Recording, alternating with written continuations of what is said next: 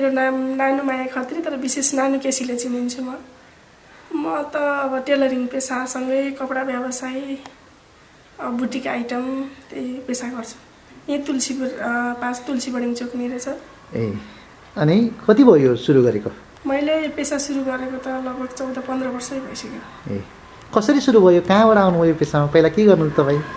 म त अब सुरुवात चाहिँ मेरो जन्म स्थान चाहिँ गुल्मी जिल्ला हो। म त्यसपछि क्याम्पस पढ्न चाहिँ प्लस टू पढ्न तानसेन बसेँ। त्यसपछि म जबको सिलसिलामा नेपालगञ्ज पुगेँ। नेपालगञ्ज पछि म चाहिँ दाङमा आएर यहीँ बसेको गुल्मीको कुन ठाउँ गुल्मी मेरो जुनिया सात चिदिपानी थियो पहिला। अहिले त सप्तेवती सात चिदिपानी भएको छ अहिले। त माइतीघर। माइतीघर। के को सिलसिलामा पाल्पा पुग्नुभयो नि? म पाल्पा त क्याम्पस पढ्नकै लागि। इलेभेन टुवेल्भ चाहिँ म पाल्पाबाट पढेको। गुल्मीमा कसले थिएनन् अँ, थिएँ गुल्मीमा तर म खास चाहिँ पहिला बुटोलमा पढ्छु भनेर बुटोलमा आएको। तर बुटोल ठाउँमा राम्रो नलागेर फेरि फर्केर पाल्पा गएको अनि पाल्पामा पढेको। कति सालको कुरा हो यो? यो उन्साठी साठी साल दुई वर्ष चाहिँ म पाल्पा बसेको। पाल्पा बस्दा पढाइ मात्रै भयो कि अरू केही पनि भयो? मात्रै भयो। म खास त्यही पाल्पादेखि नै सिलाइ कटाइतिर लाग्न खोजेको त त्यति बेला त्यहाँ चाहिँ त्यति सिक्ने ठाउँ चाहिँ मैले भेटिनँ। हजुर म केही समय सुरुवाती समयमा चाहिँ जस्तो तानसेन बस्दा चाहिँ म लगभग छ महिना जति चाहिँ मैले मिडियामा काम गरेको। कुनमा? श्रीनगर एफएम पाल्पा तानसेन। प्रोग्राम चलाएको? हजुर। के कार्यक्रम चलाउनुहुन्थ्यो? सिनियर सिनियर सम्बन्धी थियो या के थियो? त्यो चाहिँ बिर्सिसकेँ मैले। अनि त्यो कार्यक्रम चाहिँ मैले धेरै चलाइनँ। मैले कार्यक्रम बनाएँ मैले तर चलाउन चाहिँ मलाई आफ्नै भोइस चाहिँ त्यति मिठो लागेन अनि मैले कार्यक्रम चलाउनु चाहिँ छोडेर मैले कार्यक्रम चाहिँ बनाउँथेँ। कार्यक्रम बनाउँथेँ विज्ञापनहरू बनाउँथेँ त्यो बनाउने काम चाहिँ गर्थेँ। त्यही भएर म अरू अरू जस्तो जागिरको सिलसिलामा जबकै सिलसिलामा भनौँ त्यो चाहिँ म नेपालगञ्ज पुगेको टुवेल्भ एक्जाम दिइसकेँ पढ्दा पढ्दै जब सुरु गर्नुभयो। मलाई चाहिँ सानैदेखि लाग्थ्यो कि म आफै चाहिँ आत्मनिर्भर बनाऊ जस्तो लाग्थ्यो। मैले स्कुल पढ्दादेखि नै मैले यस्तो बुनेर लेसहरू बुनेर यस्तो यस्तो गमलाहरू बुनेर म त्यति बेलादेखि नै पैसा कमाउनु चाहिँ सुरु गर्थेँ कि आफ्नो लागि खर्च चाहिँ आफै निकाल्थेँ। मैले घर बुवा आमासँग चाहिँ माग्दैन थिएँ स्कुल अब छ सात क्लासदेखि नै।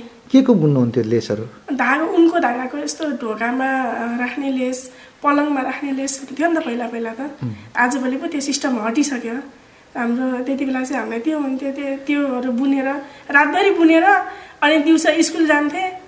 अनि त्यसपछि त्यो बुनेर बेच्थेँ अनि पैसा चाहिँ त्यसरी नै कमाउँथेँ मैले त्यति बेलादेखि कसले सिकाएको थियो नि त्यो बुन्न?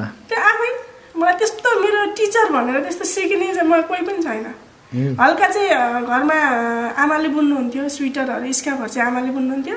त्यसैसँगै त्यही धागो खेलाउँदा खेलाउँदै नै मैले सिकेको थियो। तपाईँ केले बुन्नुहुन्थ्यो नि? मैले कुरुसले धागो चाहिँ कुरुसले बुन्थेँ।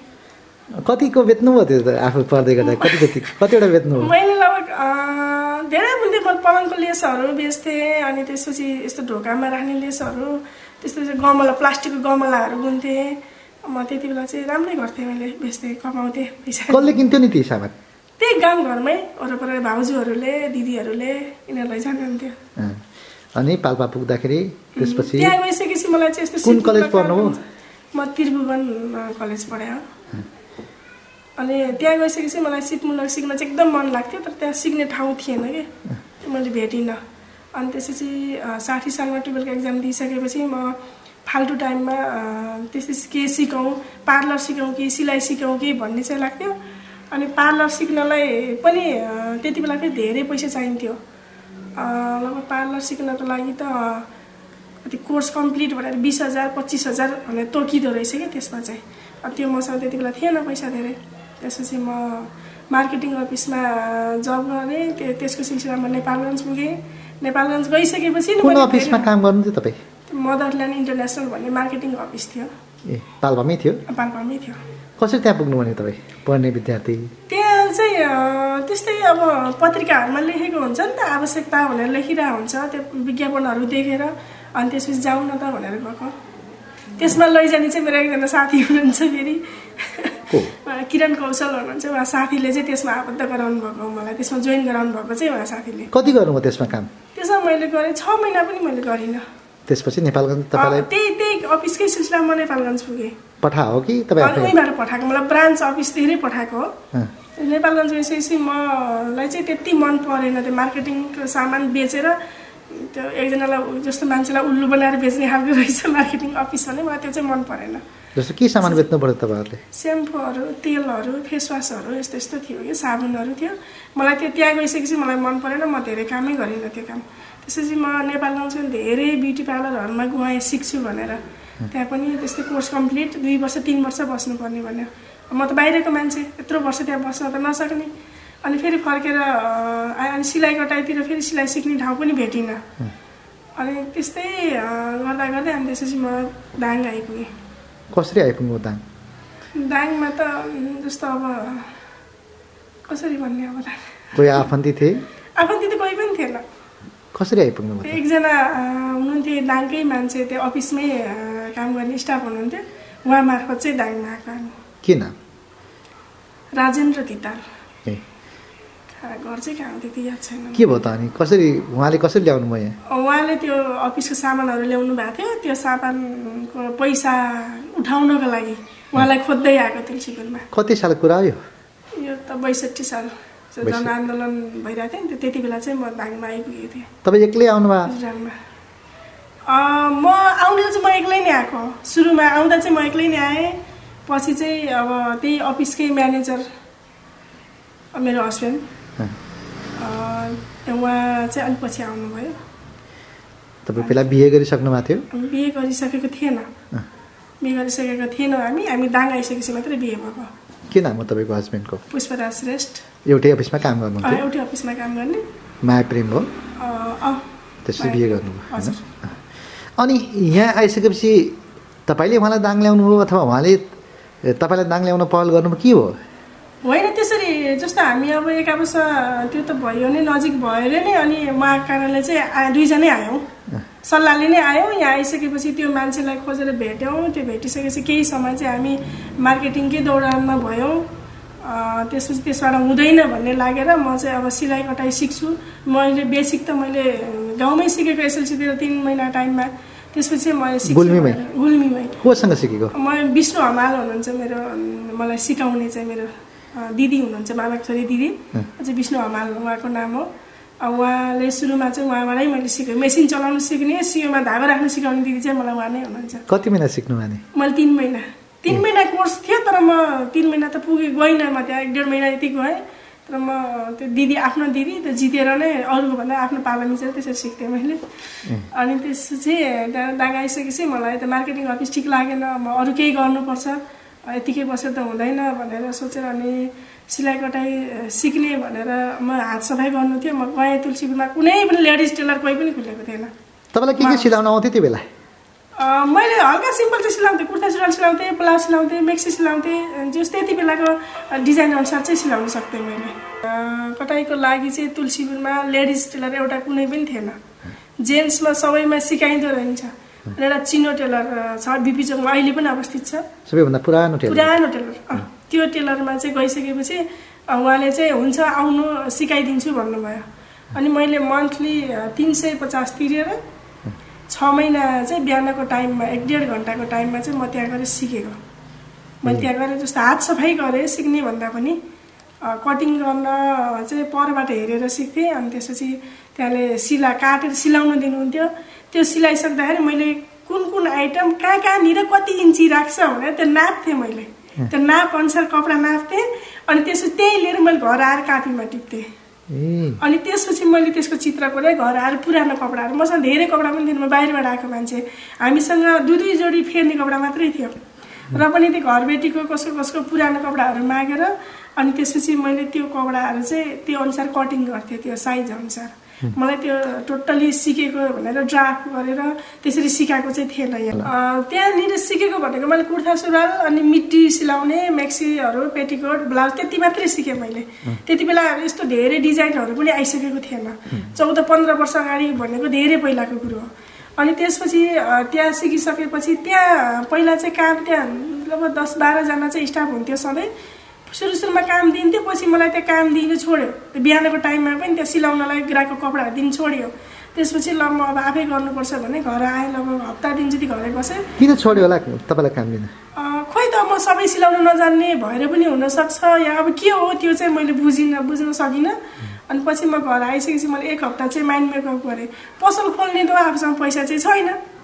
पसल खोल्नलाई मैले अलिअलि कमाएर एउटा टिभी चाहिँ किनेको थिएँ। त्यही टिभी बेचेर मेसिन किन्छु भन्ने चाहिँ मलाई हिम्मत लाग्थ्यो कि। अनि पछि घरबेटीले चाहिँ पाँच हजार मलाई दिनुभयो सापट्टि। कतिको टिभी पाँच- किन्नु भएको थियो तपाईँले? मैले तेह्र हजारको टिभी किनेको थिएँ। कहाँ बस्नुहुन्थ्यो तपाईँ? म हात्ती खोवा बस्थेँ त्यति बेला। जे होस् घरबेटीले पाँच हजार दिनुभयो। घरबेटीले पाँच हजार दिनुभयो अनि त्यो पैसाले मैले हस्बेन्डलाई चाहिँ मेसिन लिन पठाएँ नेपालगञ्ज। अनि त्यो मेसिन भयो एउटा मेसिन चाहिँ मैले मलाई मेरो आफ्नै दाइले म पहिले सिलाइ सिक्दा चाहिँ इन्डियाबाट मेसिन ल्याइदिनु भएको थियो। त्यो मेसिन चाहिँ मैले यहीँ ल्याएको थिएँ। त्यो मेसिन दुईवटा मेसिन गरेर मैले जस्तो अहिले चाहिँ बालिका हार्डवेयर छ त्यो घरको उसमा चाहिँ सटरमा त्यहाँनिर चाहिँ मैले पसल सुरु गरेको। फर्स्ट पटक मसँग यस्तो कटिङ अनि टेबल किन्ने पैसा पनि थिएन। अनि दुइटा मेसिन लिएर त्यहाँ बसेँ दुई दिनसम्म कोही पनि मान्छे आएन। अनि बुटुल वस्त्रालय अगाडि थियो नि त मेरो ठ्याक्कै फेस टु फेस थियो। अनि बुटुल वस्त्रालयबाट धेरै सपोर्ट भयो मलाई। त्यहाँ आउने कपडाहरू चाहिँ त्यहाँ पठाइदिनु लाग्नु भयो अनि त्यसपछि बिस्तारै मैले फर्स्ट कमाइ भनेको आफूले कटिङ गरेर सिलाएर पैँसठी रुपियाँमा एउटा साडीमा फल्स हालेँ एउटा पेटिकोट सिलाएर एउटा ब्लाउज सिलाएको। पैँसठी रुपियाँ ज्याला दिएर मेरो फर्स्ट कस्टमर हुनुहुन्छ त्यहाँको नाम चाहिँ थाहा छैन यही तुलसीपुरै हुनुहुन्छ देखिरहन्छु बाटोमा चाहिँ तर नाम यो भने चाहिँ त्यो चाहिँ थाहा छैन। उहाँलाई तपाईँले भन्न चाहिँ भन्नु भएन। भन्ने उहाँ अहिले चाहिँ मैले भनेको छैन तर मेरो फर्स्ट कस्टमर चाहिँ उहाँ हुनुहुन्छ। मैले पैँसठी रुपियाँमा उहाँको काम गरिदिएको थिएँ कि। त। अनि त्यसपछि बिस्तारै बिस्तारै बिस्तारै त्यस्तै त्यस्तै गर्दा गर्दै अलिअलि अलिअलि कपडा आउन थालेँ अलिअलि कमाउने अलिअलि कमाउन थालेँ। मैले फर्स्टमा चाहिँ सटर पसल खोल्दाखेरि जस्तो पन्ध्र सय सटर भाडा थियो म बस्ने कोठाको चाहिँ दुई पाँच सय थियो दुई हजार कोठा भाडा भयो। सिकाउने सिका सिक्ने मान्छे आयो भने पाँचजना सिक्ने आयो भने त पाँच तिहार पन्ध्रमा सटर भाडा तिर्छु। अनि उद्रेको यताउता सिलाउन ल्यायो भने त त्यसले त म कोठा भाडा तिर्छु भन्ने उद्देश्यले मैले पसल खोलेको। म यति ठुलो व्यवसाय बन्छु अहिले यहाँसम्म पुग्छु भनेर मैले पसल खोलेको चाहिँ होइन। त्यसपछि महिना दिनमा के भयो? भाडा तिर्न सकेँ मजाले सकेँ नि। मैले त लगभग कति दिनमा पसल खोलेकै हप्ता दिन कति आठ दिनमा त मैले चौध सय त कमाइ नाफै नै निकालेँ नि। आफूलाई चाहिँ कमाइ निकालेँ त्यसरी। अनि त्यसपछि अब सकिँदो रहेछ भन्ने भयो। अनि सिलाइ सिक्ने ठाउँ थिएन नि त। तुलसीपुरमा अनि सिलाइ सिक्ने मान्छे पनि जस्तो एक्काइसजनासम्म त मैले सिकाएको छु तिन सिफ्ट गरेर। आफैले? सिकाउँथेँ मैले। सुरु सुरुमा मैले सिलाइ नै सिकाएँ लेडिज जेन्ट्सले त के गर्थ्यो भने मैले मेसिन चलाउनु लगाएको देखेँ भने वरिपरिबाट आएर हेर्ने अनौठो मान्थ्यो यो ठाउँमा चाहिँ। लेडिज थिएन त्यति बेला मेसिन चलाउनु बाहिर मान्छे। मैले चलाउँदा चाहिँ वरिपरिको मान्छे आएर हेर्नुहुन्थ्यो क्या मैले कटिङ गरेको सिलाएको सबै हेर्नुहुन्थ्यो जेन्ट्सहरू आएर। वरिपरिको हेर्नु त मलाई अप्ठ्यारो चाहिँ लाग्थ्यो त्यति बेला अनि त्यस्तै गर्दा गर्दै मेसिन दुईवटाबाट तिनवटा थपेँ तिनवटाबाट चारवटा थपेँ। अनि सिलाउने स्टाफ राख्न थालेँ। सुरु सुरुमा मैले सिलाउँथेँ मात्रै नै। मैले कति लगभग छ सात वर्षसम्म सिलाएँ मात्रै। मैले कपडा राखेन। यातायात कुनै साधन थियो त्यो बेलासम्म तपाईँको? केही पनि थिएन। म हात्तीघरबाट हिँड्दै त्यहाँ जान्थेँ। त्यहाँबाट हिँड्दै यहाँ आउँथेँ। श्रीमानले के गर्नुहुन्थ्यो? श्रीमान केही नै सँगै थियौँ हामी। उहाँले पनि सघाउनुहुन्थ्यो अँ, तपाईँले सघाउने। के गर्नुहुन्थ्यो उहाँले? तपाईँले त गर्नुहुन्थ्यो आइरन गर्नुहुन्थ्यो। त्यसरी सहयोग गर्नुहुन्थ्यो। अरू व्यवसाय चाहिँ अरू केही पनि थिएन हाम्रो। ठिक छ। त्यसपछि? छ सात वर्ष त्यसै चल्यो अनि मान्छे राख्न थाल्नुभयो। होइन छ सात वर्षसम्म मैले चार पाँचजना मान्छे चाहिँ राखेँ। कपडा राखेको थिइनँ। मैले पछि चाहिँ अब सोचेँ कि डिजाइनहरू सिलाउन आउने हुन्थ्यो। एउटा सिलाएको कति पर्थ्यो नि तपाईँले कति ज्याला लिनु त्यो बेलामा? त्यति बेला त कुर्ता सुरुवाल सिलाएको असी रुपियाँ ज्याला थियो जम्मा। अहिले अहिले तिन सय बिस लिन्छु मैले। अनि त्यसपछि अरू अरू त्यस्तो डिजाइनहरू धेरै डिजाइनहरू चाहिँ थिएन। अनि अलिअलि यहाँको लेडिजहरू चाहिँ डिजाइन फेसन सिलाउनु खोज्ने दा पनि कपडा पाइँदैन थियो त्यो डिजाइनको बनाउनलाई। अनि त्यो सोचेर नानीहरूको यहाँको आउने कस्टमरहरूकै सल्लाहले गर्दा मैले कपडा आफै राख्न थालेको।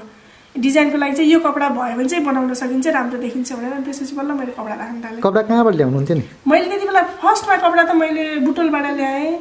अनि त्यसपछि अलिअलि सुनौली बोर्डरबाट ल्याएँ। सुरुमा मैले अनि पछि चाहिँ मैले काठमाडौँबाट ल्याउनु थालेको। अहिले काठमाडौँ कति वर्ष काठमाडौँ ल्याउनुको? काठमाडौँ ल्याउनु लगाएको आठ वर्ष भइसक्यो। अहिले तपाईँ कहाँ कतिसम्म कपडा पाएको छ? कमसल भनेको जस्तो तयारी कपडा हुँदाखेरि लेहेङ्गाहरू जस्तो अहिले त बढी त लेहेङ्गै चलिरहेछ। लेहेङ्गाहरू चाहिँ पच्चिस सय तिन हजारदेखि ल्याएर अब देखिहाल्नु भयो चालिस पचास हजारसम्मको नै छ। अनि गाउनहरू पनि त्यस्तै छ। अरू सिम्पल पनि पाउँछ। लगभग एक सय रुपियाँ मिटरदेखि ल्याएर दुई हजार पच्चिस सय रुपियाँ मिटरसम्म पर्नेसम्मको कपडा चाहिँ छ मेरोमा। अलि महँगो कपडा चाहिँ कुन चाहिँ कस्तो पर्छ? नेट कपडा नै पर्छ अनि अहिले चाहिँ भेलभेटमा पनि आइरहेछ। अहिले ब्राइडलको लागि तयार गर्नुपर्ने कपडाहरू पनि महँगो छ दुई हजार बाइस सय पच्चिस सय मिटर पर्छ। कति जति कमाइ हुन्छ मन्थली अथवा कतिको कारोबार हुन्छ कति जति कमाइ हुन्छ के छ अब तपाईँको त्यस्तै हो सिजन अनुसार हुन्छ। अब एकदमै चल्ने सिजन भयो। बिहेको सिजन चाडपर्वको सिजन भयो भने मन्थली तिन चार लाख पनि हुन्छ। कतिजना कालीगढ छ अहिले तपाईँका उम्, मेरो त अहिले कालीगढ भनेको बा तेह्रजना छ। ए कति जति कति तलब खान्छन् नि त्यहाँ? यिनीहरू दस बाह्र हजारदेखि लिएर अँ, पैँतालिस पचास हजारसम्मको छ। ए अब के छ त तपाईँको चाहना? के गर्छु भन्ने मेरो त अरू अब थप केही पनि छैन। म अब यत्तिकै नै यत्तिकै चलाउन सकु यत्तिकै गर्न सकु आफूलाई रोग नलागोस् स्वास्थ्यले साथ दियोस्। यत्तिकै ग्राहकहरूलाई सन्तुष्टि दिन पाऊँ। ए तपाईँले चाहिँ उत्पादन गरेका यी वस्तुहरूको हजुर। बजार यहीँ तुलसी बजार मात्रै हो अथवा अन्त पनि छ? मेरो यो उत्पादन गरेको बुटिक कपडाहरू सिलाइहरू चाहिँ जस्तो अनलाइन अर्डर पनि हुन्छ म बाहिर विदेश पनि पठाउँछु जस्तो नेपालको अ, नेपालीहरू विदेशमा गइरहनु भएको हुन्छ उहाँहरूले अर्डर गर्नुभयो भने म जुनसुकै ठाउँमा पनि पठाइरहेको हुन्छु। बुटवल काठमाडौँ पोखरा मात्रै नभएर म Australia Japan America Portugal Cyprus धेरै देशमा पठाइरहेको छु मैले। कसरी पठाउनुहुन्छ त्यहाँ? मैले कुरियर गरेर पठाउँछु। जस्तो तपाईँको पेजहरू छ उहाँहरू मेरो पेज छ मेरो बागेश्वरी बुटिक फेसबुक पेज पनि छ फेसबुक पनि छ। त्यसपछि टिकटक पनि छ। त्यस मार्फत उहाँहरूले अर्डर गर्नुहुन्छ म त्यही अनुसार चाहिँ पठाइदिन्छु। उहाँहरूले अनि पैसा चाहिँ के? पैसा एकाउन्टमा पठाइदिनुहुन्छ अथवा आइएमई गरिदिनुहुन्छ जे छ उहाँसँग सुविधा अनि त्यही अनुसार चाहिँ म यहाँबाट विदेश अहिलेसम्म कति जोडा पठाएँ जस्तो लाग्छ? पठाएँ होला। अहिले दसैँको सिजनमै पठाएँ होला। लगभग मैले चार पाँच लाखको त म दसैँको सिजनमै पठाएको। विदेश? यहीँ अहिलेकै दसैँको सिजनमा। अझै कोभिडले गर्दा चाहिँ धेरै असर परेको छ। नत्र मेरो प्रायः जस्तो बाहिर नै जान्छ सामानहरू। जस्तो मेसेन्जर युज गर्नुहुन्छ वाट्सएप भाइबर युज गर्नु लाइक पेज मेरो फोन नम्बर छ। त्योबाट वाट्सएप भाइबरबाट गर्नुहुन्छ। उहाँहरूले डिजाइन फोटो पठाउनुहुन्छ अनि त्यस पछाडि साइज पठाउनुहुन्छ। म त्यही अनुसार मसँग भएको चाहिँ तयार गरेर पठाउने। डिजाइनहरू ल्याउन थाल्नुभयो कपडाहरू बनाउन थाल्नुभयो। यो कहाँबाट सिक्नुभयो तपाईँले? यो त मैले आफैले गर्दा गर्दै नै सिकेको। जस्तो कहीँ युट्युबहरू हेर्नुभयो युट्युब मैले हेर्दैन। मैले यो डिजाइनको लागि मलाई चाहिँ फोटो देखायो भने म त्यो अनुसार तयार गर्छु। जस्तो दुला दुलहीको कपडा तपाईँ तयार पार्नुहुन्छ। अहिले त तपाईँ कहाँ पसेर मान्छेहरू आफ्नो सन्तानको लागि सेट नै किन्छन् मम्मी छोरा सेटै भन्छ। फ्यामिली सेटहरू बन्छ यस्तो बर्थडेहरूमा यस्तोहरूमा चाहिँ सबैले एउटै डिजाइनको ड्रेसहरू लगाउने छ। त्यो बन्छ त्यो त बनाउँछु। मलाई त्यसरी कटिङको लागि चाहिँ युट्युब हेर्नु परेको छैन। अहिलेसम्मलाई अब हेरौँ कतिसम्म दिमागले साथ दिन्छ। मैले यो म मैले सिक्दाखेरि यस्तो डिजाइनहरू थिएन। यस्तो डिजाइन सिक्ने मौका पनि पाएन मैले त्यति बेला फेसन डिजाइनर भन्ने कोर्स पनि थिएन मेरो पाला। मैले क्याम्पस पढ्दा चाहिँ नेपालमा चाहिँ थिएन। विदेशतिर होला। मैले त्यो चाहिँ त्यो पाएन। म आफ्नै दिमागले गरेको। म एकदमै त्यो सामान्य गाउँघरमा सरकारीमा सिकेर गर्दा गर्दै गर्दा गर्दै नै मलाई यही सिपले नै सिकाएर यहाँसम्म पुऱ्याएको अहिले के के जोड्नुभयो तपाईँले? ए बाह्र पन्ध्र वर्ष यहाँ काम गर्दाखेरि। ए यही एउटा घर बनाएको छु। कतिमा छ यो क्षेत्रफलमा? कट्ठा डेढ कट्ठा यतिमा होला। टोटल यसको घरको कस्ट कतिसम्मको होला अहिले? दुई करोडभन्दा माथि होला। माथि छ। अनि तपाईँ कोठा भाडा कति हुनुहुन्छ नि? मैले अहिले सटर भाडा पसलको मात्रै त पन्ध्र बिस हजार तिर्छु। यो आफ्नै घर हो यताको? यो त आफ्नै गरे श्रीमानको बारेमा त अब त्यस्तै हो हामी जिरो लेभलबाट सङ्घर्ष गर्दै गर्दै आयौँ। दुःखभरि साथ दिनुभयो। अहिले चाहिँ अब सुख हुने बेला खुसी हुने बेलामा चाहिँ अब त्यस्तै भयो। म एक्सिडेन्ट भयो। म एक्लै हुने अवस्था भयो। अनि अब के भन्नु? अब उहाँसँग त गुनासो केही पनि छैन। के भयो खासमा? त्यस्तै करेन्ट लाएर एक्सिडेन्ट भएर चाहिँ डेथ भएको आठ महिना भइसक्यो। र पनि एक्लै सुरु सुरुमा त मैले ठाउँमा बस्न सक्दिनँ जस्तो लागिरहेको कसरी। करेन्ट लाग्यो? यही हाम्रै घर बनाउने सिलसिलामा घरकै लागि एउटा भर्याङ चाहिएर छिमेकीको घरमा भर्याङ लिन जाँदा त्यो भर्याङले चाहिँ माथि हाई टेन्सन छोएर त्यसरी करेन्ट लागेर चाहिँ अन द स्पोटै भएको हो। कुन महिनामा? जेठको एक गते। ए जेठको दुःखद घटना भएछ है। अनि त्यसपछि त्यसपछि चाहिँ अब एक्लै घर पनि लथालिङ्ग थियो। यो घर पनि सबै समेटेर यहाँसम्म पुर्याइसकेँ घर पनि लगभग तयार गरेँ। अनि त्यसपछि पसल त्यस्तै अस्तव्यस्त सबै व्यवहार मिलाइ मिलाउँदैछु एक्लै भए पनि हिम्मत हारिनँ मैले। म चाहिँ गर्न सक्दिनँ कि। कसैको सपोर्ट पनि लिन सकिनँ आफ्नो मान्छे मेरो यहाँ नजिक कोही पनि छैन। घर मेरो ओखलढुङ्गा हो माइती बुटोल हो। ए मेरो आफ्नो मान्छे कोही पनि हुनुहुन्न। तर म एक्लै नै गर्दै गर्दै यहाँसम्म चाहिँ पुग्यो। अब मेरो त्यस्तो योजना भन्ने त्यस्तो इच्छा भन्ने चाहिँ केही पनि छैन। यो छोरा एउटा छोरा छ छोरालाई चाहिँ राम्रो छोराको नाम? प्रसन्न बाबु श्रेष्ठ। कति वर्षको भाइ? अहिले बाह्रमा भर्खर सुरुमा बाह्रमा लागेको छ एघार वर्ष। तपाईँको घर परिवारले के भन्छन् नि अहिले? के भन्नु न राम्रो घर राम्रो गरिरहेको छ घर भन्नुहुन्छ। सम्पर्कमा हुनुहुन्छ घर परिवार? हुनुहुन्छ सबै सम्पर्कमा। आउनुहुन्छ कहिले काहीँ यहाँ? घरतिरको त जेठाजुको छोरी मैले सँगै नै राखेको छु सबै कुराको पोजिटिभ चाहिँ पाइँदैन। कोही कुरामा नेगेटिभ पनि हुन्छ। म अलिक बढी छुच्चो पाराले बोल्छु। म प्याच जे देख्यो त्यो बोलिदिइहाल्छु। त्यो गर्दा कसैलाई चाहिँ त्यति चित्त बुझ्दैन। पछि पछि चाहिँ चिनिसकेपछि यस्तो भन्नुहुन्छ कसैले घमण्डी भन्नुहुन्छ कसैले छुच्ची भन्नुहुन्छ। त्यो पारा त नेगेटिभ पोजिटिभ दुइटै नै पाउँछु। त्यसमा चाहिँ मलाई गाह्रो लाग्दैन। तपाईँ दैन दिनमा कति काम गर्नुहुन्छ? कति बेला उठ्नुहुन्छ? म त बिहान पाँच बजीदेखि साँझ सात बजीसम्म लगभग बाहिर नै हुन्छु। अनि त्यसपछि कहिले त म अठार घन्टा बिस घन्टा नि काम गर्नुपर्छ सिजनको बेला त। यति घन्टा भन्ने चाहिँ हुँदैन। कुनै दिन नसुतेको नि अनुभव छ। बाबु एक्लै हुँदाखेरि बाबुलाई कसले हेर्छ त? बाबु सकभर म आफूसँगै राख्छु। अनि नभएमा दिदीको छोरी छ माथि नानी छ नानीसँग बस्छ। अनि आएर खाना बनाउने? आएर खाना बनाउने। एकल भएर अथवा मैले केही गर्न सक्दिनँ भनेर चाहिँ कमजोर कोही पनि नहुनु। जसरी पनि सक्दिनँ म कोही नभएको ठाउँमा एक्लै यस्तो एक्सिडेन्ट भएर पनि म पुरै सिङ्गल हुँदा पनि म कसैको सपोर्ट नलिएर यहाँसम्म पुगिरहेको छु त्यो गर्न सक्दिनँ कि मसँग म यस्तो अगाडि बढ्न सक्दिनँ कि भन्ने सोच चाहिँ कसैले नराख्नु गरेपछि सबै चिजमा सक्सेस पाइन्छ गर्न सकिन्छ।